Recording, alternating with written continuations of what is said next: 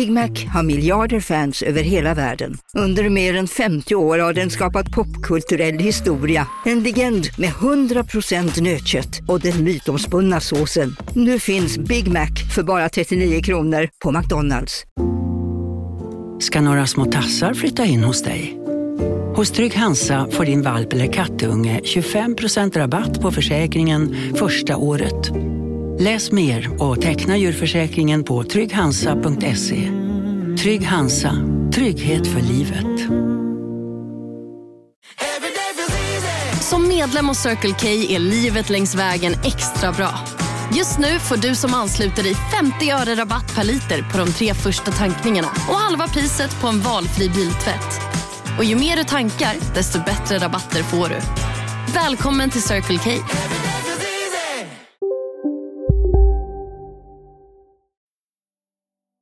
Idag, den 16 november, kom beslutet från Eksjö tingsrätt att båda misstänkta omhäktas. Både 18 och 20-åringen är fortsatt misstänkta för människorov, mord och gravfridsbrott. Ingen förstår hur tre unga vänner efter en utekväll kan ha hamnat i en situation som slutar med att en av dem hittas död. Hade alltid något, något roligt att säga och alltid snäll. Alltså det, Tove bara, eller, alltså var bara snäll.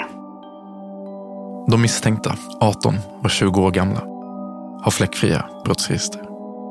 Båda två lever ett liv som vilken ung vuxen som helst. Ett liv kantat av utflykter, konserter och fest. Oftast tillsammans. 20-åringen har sin egen lägenhet i centrala Vetlanda. Samma lägenhet som de inblandade beger sig till efter nöjet. 20-åringens sociala medier vittnar om att hon på sin fritid har hand om djur och att hon genom det intresset spenderar tid i naturen. 18-åringen bor fortfarande hos sina föräldrar, strax utanför Vetlandas centrala delar. Hennes sociala medier, utöver umgänget med 20-åringen, speglar en fritid inom föreningsverksamhet. Närmare bestämt lagidrott. Ibland så var de jättebra kompisar. Men sen så helt plötsligt kunde det blossa upp igen. Eh, och sen så eh, var de ovänner igen. Alltså vad är det att tjafsa om? Alltså, när jag tjafsat i evigheter, typ i flera månader om det här.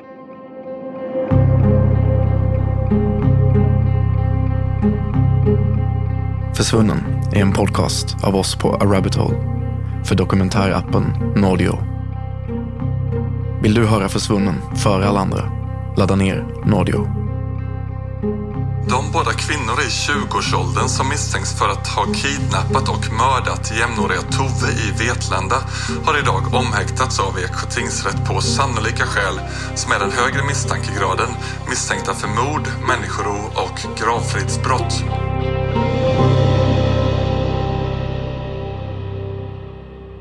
I det här avsnittet ska jag försöka komma i kontakt med så många som möjligt ur kompiskretsen. Genom dem hoppas jag kunna närma mig ett svar på hur relationen mellan Tove och de misstänkta sett ut. tror att jag lyckats sålla ut bland en mängd namn. Några... Vi har fått in många tips på personer vi borde prata med. Det har blivit en lång lista över en stor vänskapskrets. Jag och min kollega Maria delar upp listan och börjar ringa. Hallå? Hej, det här är Maria från... Min kollega Maria får kontakt med en person som lärt känna 18-åringen genom föreningsverksamhet.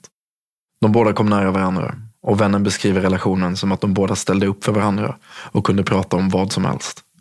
I viss mån ser hon 18-åringen som ett extra syskon. Ja, men jag fanns där alltid för henne och hon fanns för mig också. Så det var liksom på båda hållen. hur skulle du beskriva henne som person? Uh, ja, alltså hon eh, är världens godaste. Ja, det är det som är så jävla... Alltså jag förstår inte ens någonting av det här för att jag... Ehm, man vill inte, jag har inte velat ta in någonting av det här när det gäller henne. För att jag vill ju egentligen inte att detta ska vara sant. Eller så. Mm, helt underbart. Och hon har aldrig gjort mig någonting. Det är det att jag skulle aldrig kunna säga att hon skulle lägga ett finger på någon för att jag vet att hon har så pass mycket respekt, i alla fall mot äldre. Plus att hon tar hand om sina kompisar, hon är aldrig elak mot sina kompisar. Hon har alltid varit så att gör hon någonting fel så tar hon åt sig jättemycket. Alltså att hon blir ledsen och hon eh, ångrar sig direkt. Du vet, hon ber verkligen om ursäkt. Vännen beskriver att 18-åringen sakta men säkert under deras vänskap blir mer och mer intresserad av fest, alkohol och nikotin. Hon har upplevt det som att 18-åringens föräldrar tidigare försökt skydda henne mot just detta.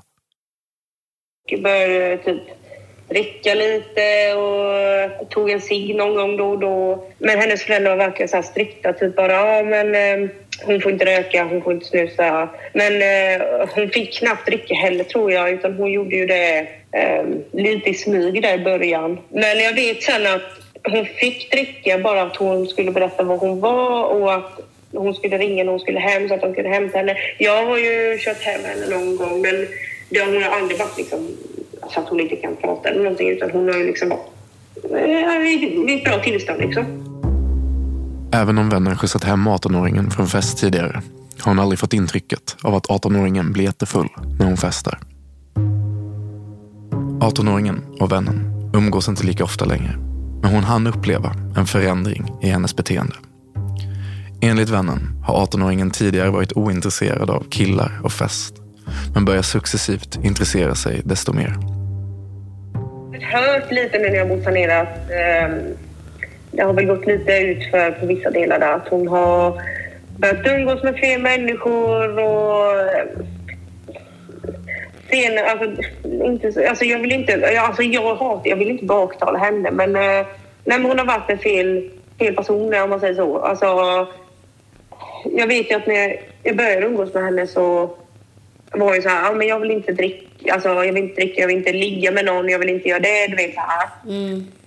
Men nu har det ju varit tvärtom och jag har liksom blivit så här, när folk har berättat, jag har blivit så här chockad. Vad fan har hon varit med honom liksom? Eller du vet så här. ehm, så jag har ju fattat att det har varit mycket alkohol och även droger inne i bilden.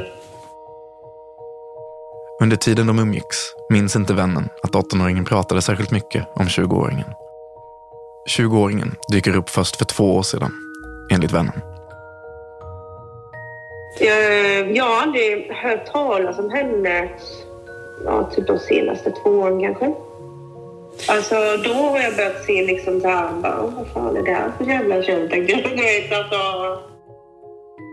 Hon upplever det som att 20-åringen och en del andra killar var orsaken till 18-åringens förändring i beteendet. Och när du säger att hon fick dåligt umgänge, Mm. syftar du till, syftar du till bland annat då? Hon pratar om 20-åringen. Ja, typ så. Ja. ja. Och eh, vissa killar, alltså som jag sa, droger är så jävla vanligt nu tiden och i Vetlanda är det ju extremt. Alltså där är det ju, det är jättevanligt där.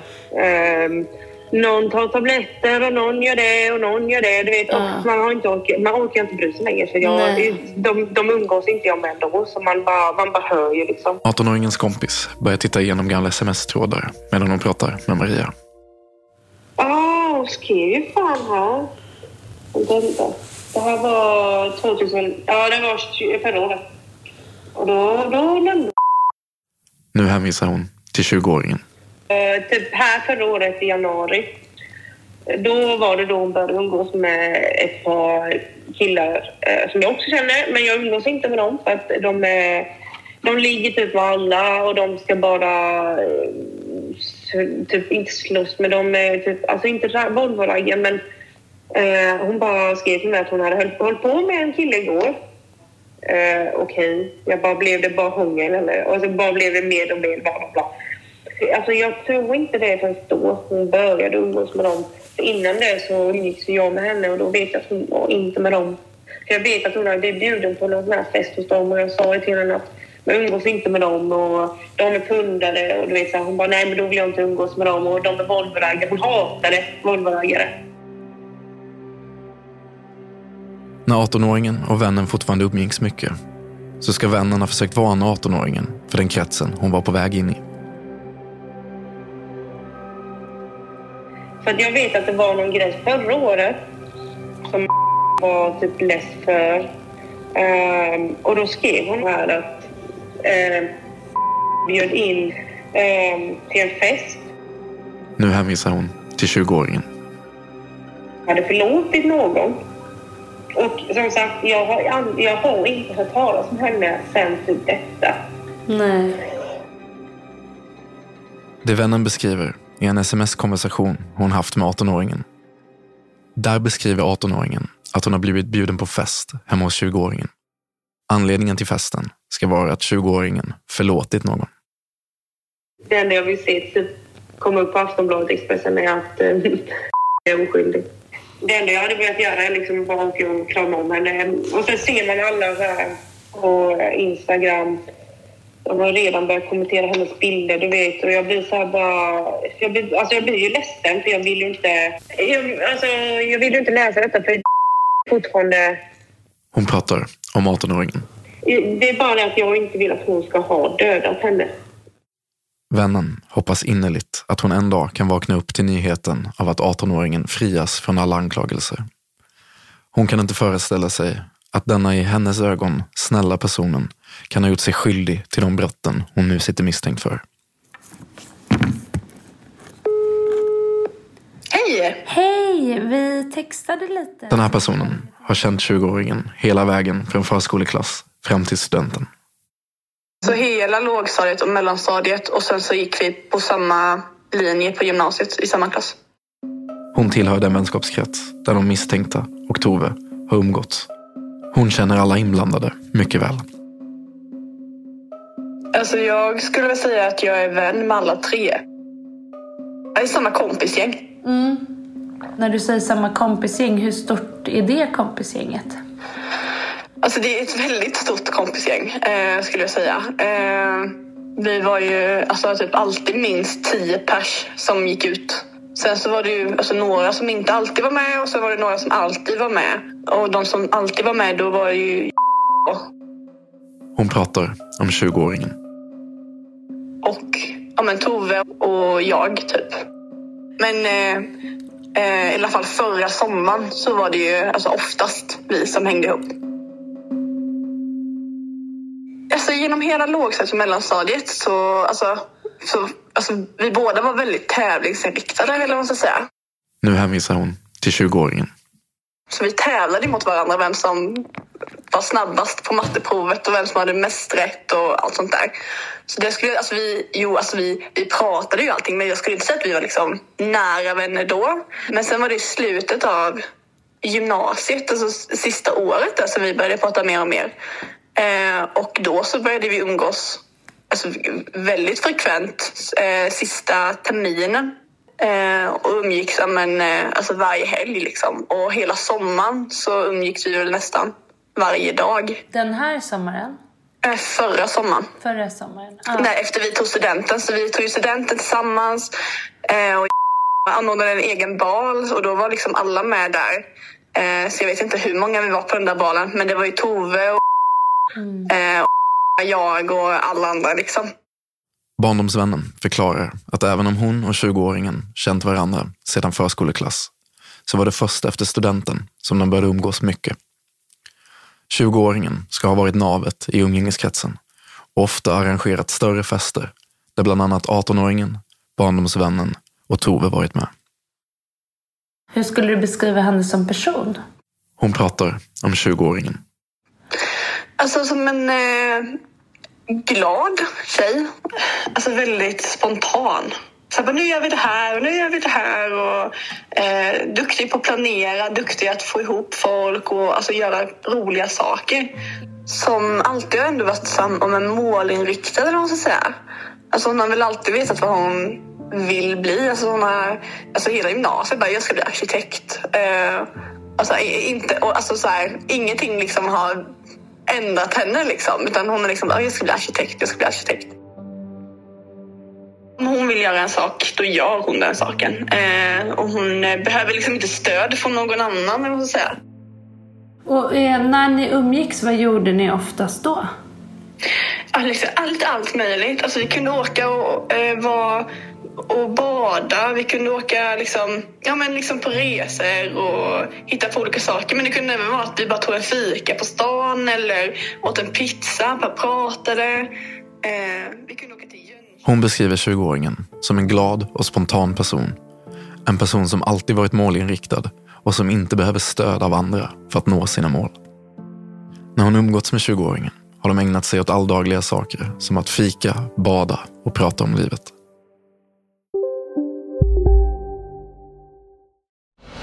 Nu på Storytel. Försvarsadvokaten Lydia Levander får chansen att lösa sitt största fall genom att försvara en misstänkt mördare. Hur långt är hon och kollegorna på advokatbyrån Pegasus beredda att gå? Fallet Mikaela. En ny deckare från succéförfattaren Anna Bågstam. Lyssna nu på Storytel.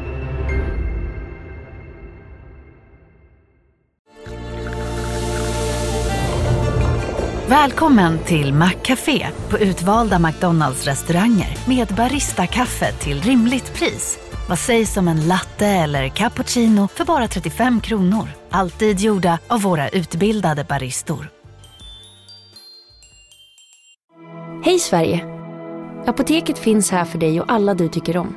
Nu hittar du extra bra pris på massor av produkter hos oss. Allt för att du ska må bra. Välkommen till oss på Apoteket.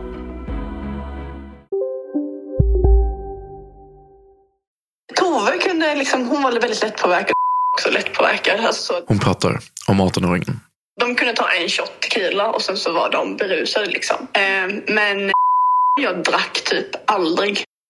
Nu hänvisar hon till 20-åringen. Alltså jag tror jag drack två gånger förra, förra året på sommaren. I, alltså ingen av oss alltså, var fulla överhuvudtaget. Alltså vi alltså, tog en sida typ. Alltså ingen av oss behövde typ alkohol för att ha kul eller vad man ska säga. Det var inget alltså, tilldragande överhuvudtaget. Och, eh, sen så vet jag att sa, Nu hänvisar hon till 20-åringen. jag tror det var i våras när jag träffade henne en gång, att hon inte tålde alkohol för hon fick typ röda utslag. Så det var ingenting vi... Alltså vi drack inte alkohol jag överhuvudtaget i princip. Nej, jag fattar. Tog eh, ni droger och sånt istället eller var ni liksom nyktra? Eh, nej, jag har aldrig någonsin tagit droger. Eh, och jag har inte varit med eller Tove. Eh, och jag vet faktiskt inte om de har tagit några droger. Men förra sommaren så gjorde de inte det. Eh, sen, Vännen beskriver att när de alla festade så var det hon och 20-åringen som höll sig nyktra. Vid något tillfälle ska 20-åringen ha sagt att hon får utslag av alkohol och därför håller sig borta från det. Vännen beskriver även 18-åringen och Tove som lättpåverkade. Utifrån vad barndomsvännen såg under deras umgänge förra sommaren så förekom det inga droger i vänskapskretsen. Hon fortsätter med att beskriva 20-åringen som en person som inte brydde sig om vad andra tyckte, men som inte alltid tänkte igenom sina handlingar eller ord. Enligt vännen så lät 20-åringen folk tycka vad de ville om henne. ryckte lite på axlarna typ om någonting hände. Eller så att, att hon, eh, hon kanske inte alltid brydde sig jätte- jättemycket om andra, alla andra. Eller vad man ska säga. Alltså typ jag då och mina övriga kompisar, vi kan liksom säga, men kan man säga så här? Kan vi göra så här? Eller alltså så att man ändå tänker igenom liksom. Medan bara, ja, ja, men jag gör så här. Eller jag säger så här. De- Det får de liksom bara, bara ta typ. Typ den killen hon hade förra året, alltså Alltså hon kunde, alltså det var så här som att hon... Jag fattade inte varför de var tillsammans för hon verkade inte bry sig typ eller så. Men hon ville inte prata om han överhuvudtaget. Ja, nej jag vet faktiskt Och inte. hur upplevde du som person? Hon pratar om 18-åringen. Alltså hon var ju väldigt, alltså både Tove och var ganska osäkra. Hon tänkte däremot väldigt mycket på det hon sa. Så hon, om, hon, om det var någonting, så här, om hon behövde ställa in någonting eh, någon gång. Alltså, men nu kan inte jag komma, förlåt, förlåt, förlåt. Liksom. Hon kunde bara, är det, är det okej med dig? Och, och. Och verk, ja, men verkligen. eh, Och Tove, hur var hon en glad tjej eller hur såg det ut? Alltså jag skulle säga att det varierade alltså, alltså hur hon mådde väldigt mycket. Liksom. Eh, så vissa dagar så kunde hon vara jätteglad. Och, alltså, så här, men, eh, alltså, hon hade alltid något, något roligt att säga. Och, alltså, någon rolig berättelse som man alltid så här, skrattade åt. Och, ja, men alltid, alltid snäll. Alltså, det, Tove bara, eller, alltså, var bara snäll. Och sen så andra dagar, oftast kom det om hon hade druckit, liksom, då kunde hon bli jätteledsen. Hon typ alltid, alltså, alltid gråta liksom, och bara jag är inte tillräckligt bra. Och, och det var mycket med vikten och det var mycket i skolan och det var liksom ja, men lite typ självhat eller vad man ska säga. Eh, men vi alla stöttade henne liksom och så här, bara, men alltså du är liksom bra Tove. Alltså du är liksom Ja. inte så dålig som du tror. Nej, Eller så. Tove definieras enligt vännen som en snäll människa rakt igenom. Men också en person som kämpade med krav på sig själv. Krav som att prestera bra i skolan.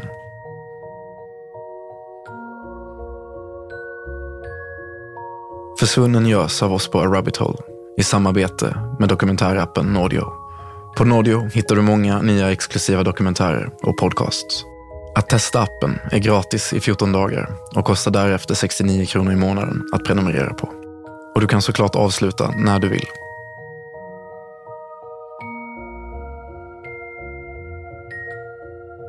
Genom ett tips får jag tag på ett nummer till en av 20-åringens ex. Ja, jag var tillsammans med henne. Ja. Vi gjorde slut en månad efter min födelsedag. Så att, ja, i- april i år blir det. Okej. Eh, men eh, som jag har förstått det så enligt eh, ryktesvägen då så ska det ha varit en ganska krånglig relation om jag har förstått det rätt. Ja, det kan man väl säga att det var. Ja, alltså. I början när vi träffades, det var ju vid studenten förra året. Träffades vi, då började vi träffas och sådär. Det, det tog ungefär två månader innan vi blev ett par.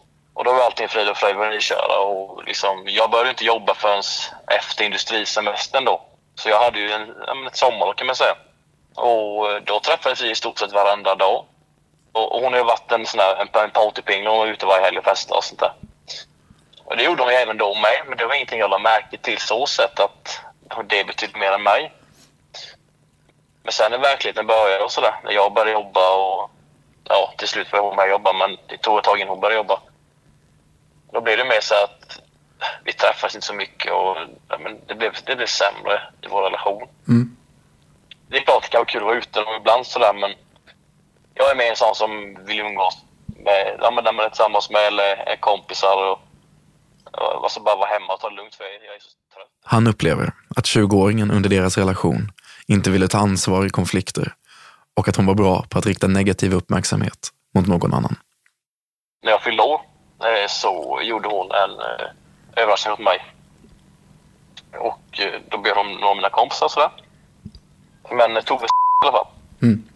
Eh, hon är ju tillsammans med min barndomsvän, även min granne, så jag är uppväxt med den här killen. Och vi är väldigt nära vänner idag också. Mm. Så eh, min kompis blev bjuden, men inte ja, Toves Och eh, då ville ju inte min kompis komma till min överraskningsfest där om man säger. För att inte hans tjej blev bjuden. Och det är, ja, jag, det är så här, jag, jag har förståelse för det, att det är lugnt. Jag har tänkt mer på det, men hon nöter in typ i mitt huvud att men så, det är ju respektlöst för honom, så kan jag inte göra. Jag typ försökte vända mig mot honom så att jag skulle vara vän med honom. Men Det var så jag upplevde det. Det behöver absolut inte vara så, men det var min Var det liksom att hon hade någonting emot? Eh, vad var det som fick henne att inte göra det tror du? just det de hade, det är jag inte så insatt i. Det var ju bara alltid att jag tog sida. För att jag var ju tillsammans med henne. Ja. Det är klart att jag tar hennes sida. Han är inte säker på varför 20-åringen ibland valde att inte bjuda in Tove och hennes nära vän. Men eftersom han var i en relation med 20-åringen stod han alltid på hennes sida. De, var väl, de är väldigt tajta. Mm. Jag lärde ju känna också hennes bästa kompis. Han pratar om 18-åringen. Jag hade svårt för henne i början. Men med, alltså med tiden så ja, men började jag tycka om henne. Hon var, ja, hon var rolig och härlig människa. Mm. Så att jag hade ingenting emot henne alls. Tvärtom, jag tyckte om henne riktigt mycket. Vi hade jättekul tillsammans. Man märkte på dem att okej, de är bästa vänner. Det märker man på dem. De är väldigt bra nära vänner.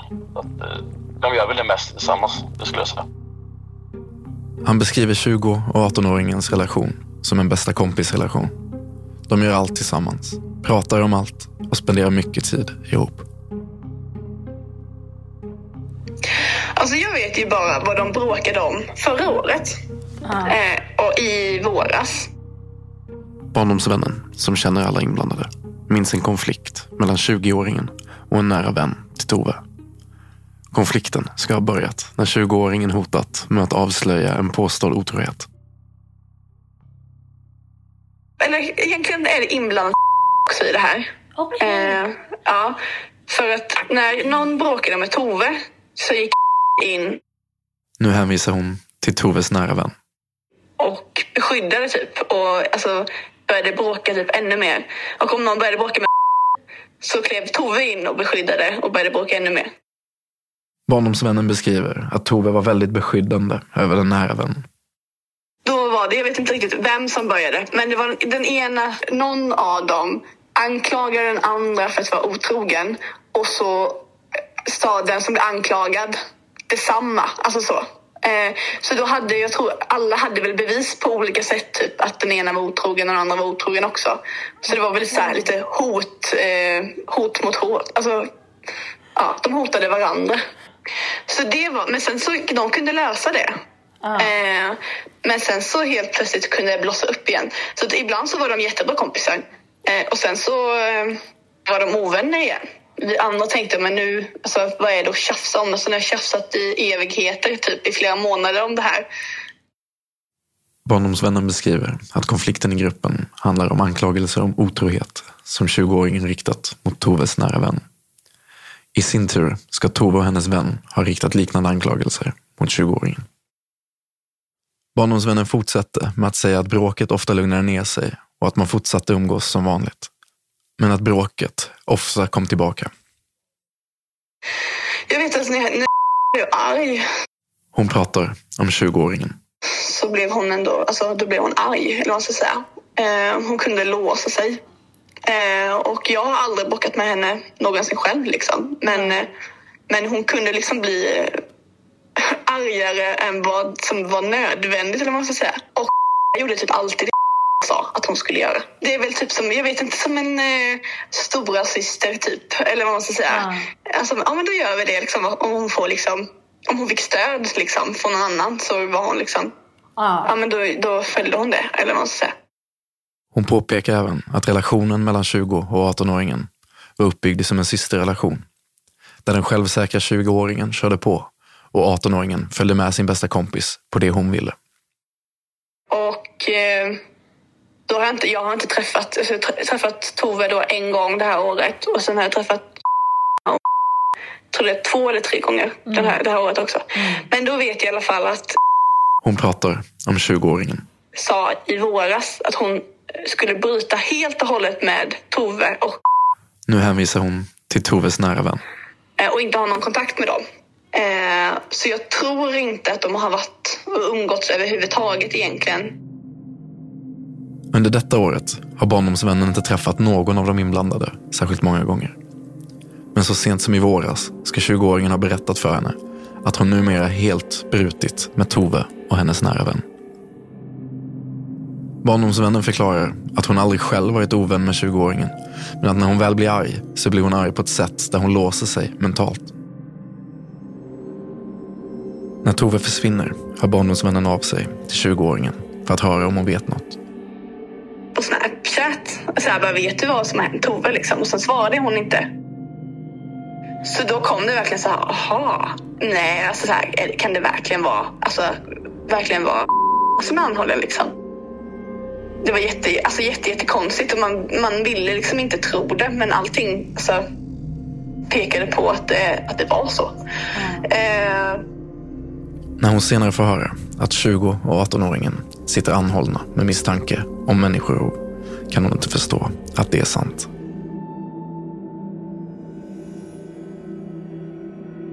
Jag och Maria har ringt runt till alla på listan. Vissa har vänligen tackat nej. Andra har inte svarat. Men några av dem vi når är väldigt generösa med sina iakttagelser och upplevelser av de inblandade. För att bättre försöka förstå det vi precis har fått höra kontaktar vi en expert. Ja, alltså det, det kvinnliga dödliga våldet är relationsrelaterat eh, om man ser det rent generellt. Och i första hand så vänder det sig mot partner eller före detta partner. Men, eh, och sen finns det ytterligare en kategori och det är när kvinnor dödar andra kvinnor. Jenny Yorstone har doktorerat i psykologi och är expert på olika typer av våldsbrott. Bland annat våld i nära relationer, hedersvåld och kvinnor som begår våldsbrott. Om man tittar på motivbilden där så kan det röra sig om att det finns egentligen en man i botten. Eh, kvinnor dödar i stort sett bara någon som hon känner. Eh, och i första hand så är det partner eller före detta partner. Men sen kan, finns det ju då fall som dyker upp där kvinnor dödar andra kvinnor. Men vilket är också då ytterst ovanligt. Det kvinnliga dödliga våldet är också väldigt ovanligt men att kvinnor dödar kvinnor är än mer ovanligt. Okej, okay. så när de väl då begår eh, våldshandlingar som är dödliga så är det oftast män? Exakt, män och det gör ju att det här fallet sticker också ut på det sättet. Dels är det ju två eh, gärnings, potentiella gärningspersoner och sen är det då riktar sig våldet mot samma kön som gärningspersonen. Och eh, det brukar man ju se i, i det manligt dödliga våldet då. Eh, men en del uppgifter som har kommit fram till oss eh, handlar om att det i den här eh, gemenskapen mellan misstänkta och brottsoffret då, så verkar det ha funnits en konflikt som dels är baserad i lite otrohet som de här kvinnorna haft bevis mot varandra och hållit mot varandra. Så detta är ett bråk som har tagits upp, sen lagts ner igen och sen så blossar det upp då och då när de är berusade och liknande. Eh, hur mycket spelar sånt där in? Kan det bara vara att detta är vänner som har byggt upp den här teorin i efterhand? Eller kan det verkligen ligga någonting i någon sån Ja, alltså det är ju svårt att spekulera i. Eh, det kan ju finnas motiv hos dem som nu i efterhand också målar upp bilder av hur det ligger till med saker och ting. Eh, men om vi säger generellt, om vi pratar om hat generellt, så kan man ju säga att det är ju mer konsistent, en mer liksom ehm, Eh, Eh, en känsla som inte bara uppstår här och nu utan den byggs ju upp över tid.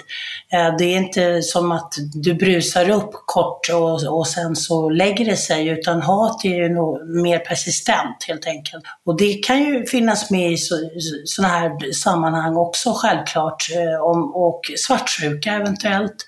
Både hat och svartsjuka, sådana känslor är ju extremt starka. När det gäller motivbild är det väldigt svårt att eh, generalisera. Ehm, det, det, kan vara, om man säger, det kan finnas en psykisk problematik som ligger i bakgrunden eh, som kanske förstärker eh, någon känsla och så vidare. Så det, men om vi säger generellt när det gäller kvinnor som dödar andra kvinnor så brukar det då finnas Eh, en, en svartsjuka till exempel, att det kan röra sig om en man i bakgrunden så att säga som det handlar om då. Kvinnor är ju, som jag säger, mer relationsrelaterade i sitt dödliga våld. Eh, det utförs ofta i hemmet. De brukar signalera att de inte mår bra innan, men eh, de också har en högre benägenhet att eh, faktiskt larma vid de här tillfällena om det händer så något, något allvarligt. Eh, och de brukar ofta inte lämna platsen. Det sker ofta mer så att säga, i hemmet eller i när, närområdet. Det här med att larma, menar du att de själva larmar om ett brott ja, de har begått? Exakt, i högre utsträckning än vad män gör, ja. Nu vet vi inte hur det är i det här fallet än. Eh, men det är mycket som tyder på att man eventuellt har flyttat någon i efterhand. Men det är alltså också ovanligt just i, eh, när kvinnor begår ja. brott? Ja, det är ovanligt. Det är det. De är, alla är unga som är inblandade här. Ingen har någon brottshistorik som man kan eh, se i alla fall. Eh, hur kommer det sig att de är så duktiga på att vara tysta i det här fallet? För än så länge, vad vi vet i alla fall, så har de ju inte ens pratat med polisen om eh, någonting mer eller mindre. Det är väldigt ovanligt eh, att man så att säga inte säger någonting alls eh, och lyckas att två stycken då dessutom lyckas att inte säga någonting alls. Sen är det ju att kvinnor kan också, precis som män, dölja, försöka dölja brott eller berätta kanske bara delar av sanning och så vidare. Så där är egentligen inte någonting som skiljer män och kvinnor åt det kräver ju sin person förstås, det gör det ju. Eh, om det skulle vara så att båda personerna är inblandade, det kräver ju en, en form av överenskommelse eh, innan i så fall, att man har kommit överens om det här, den hållningen så att säga. Men sen att båda lyckas hålla det, det är ju extremt ovanligt. Mm. Um, är det något speciellt tillvägagångssätt som skiljer män och kvinnor när det väl då handlar om dödligt våld? Ja, det vanligaste är ju kniv, både när det gäller män och kvinnor. Um, och så. Men sen beror det på vad det är för typ av eh, våld vi pratar om då. Men det går inte att säga, kvinnor kan också begå ganska brutala eh, våldsbrott eh, och använda eh, andra saker än, än kanske bara kniv. Du har lyssnat på Försvunnen. En podcast av A Rabbit Hole i samarbete med Nordio. Vill du höra nästa avsnitt före alla andra? Ladda ner appen Nordio. Den finns där appar finns.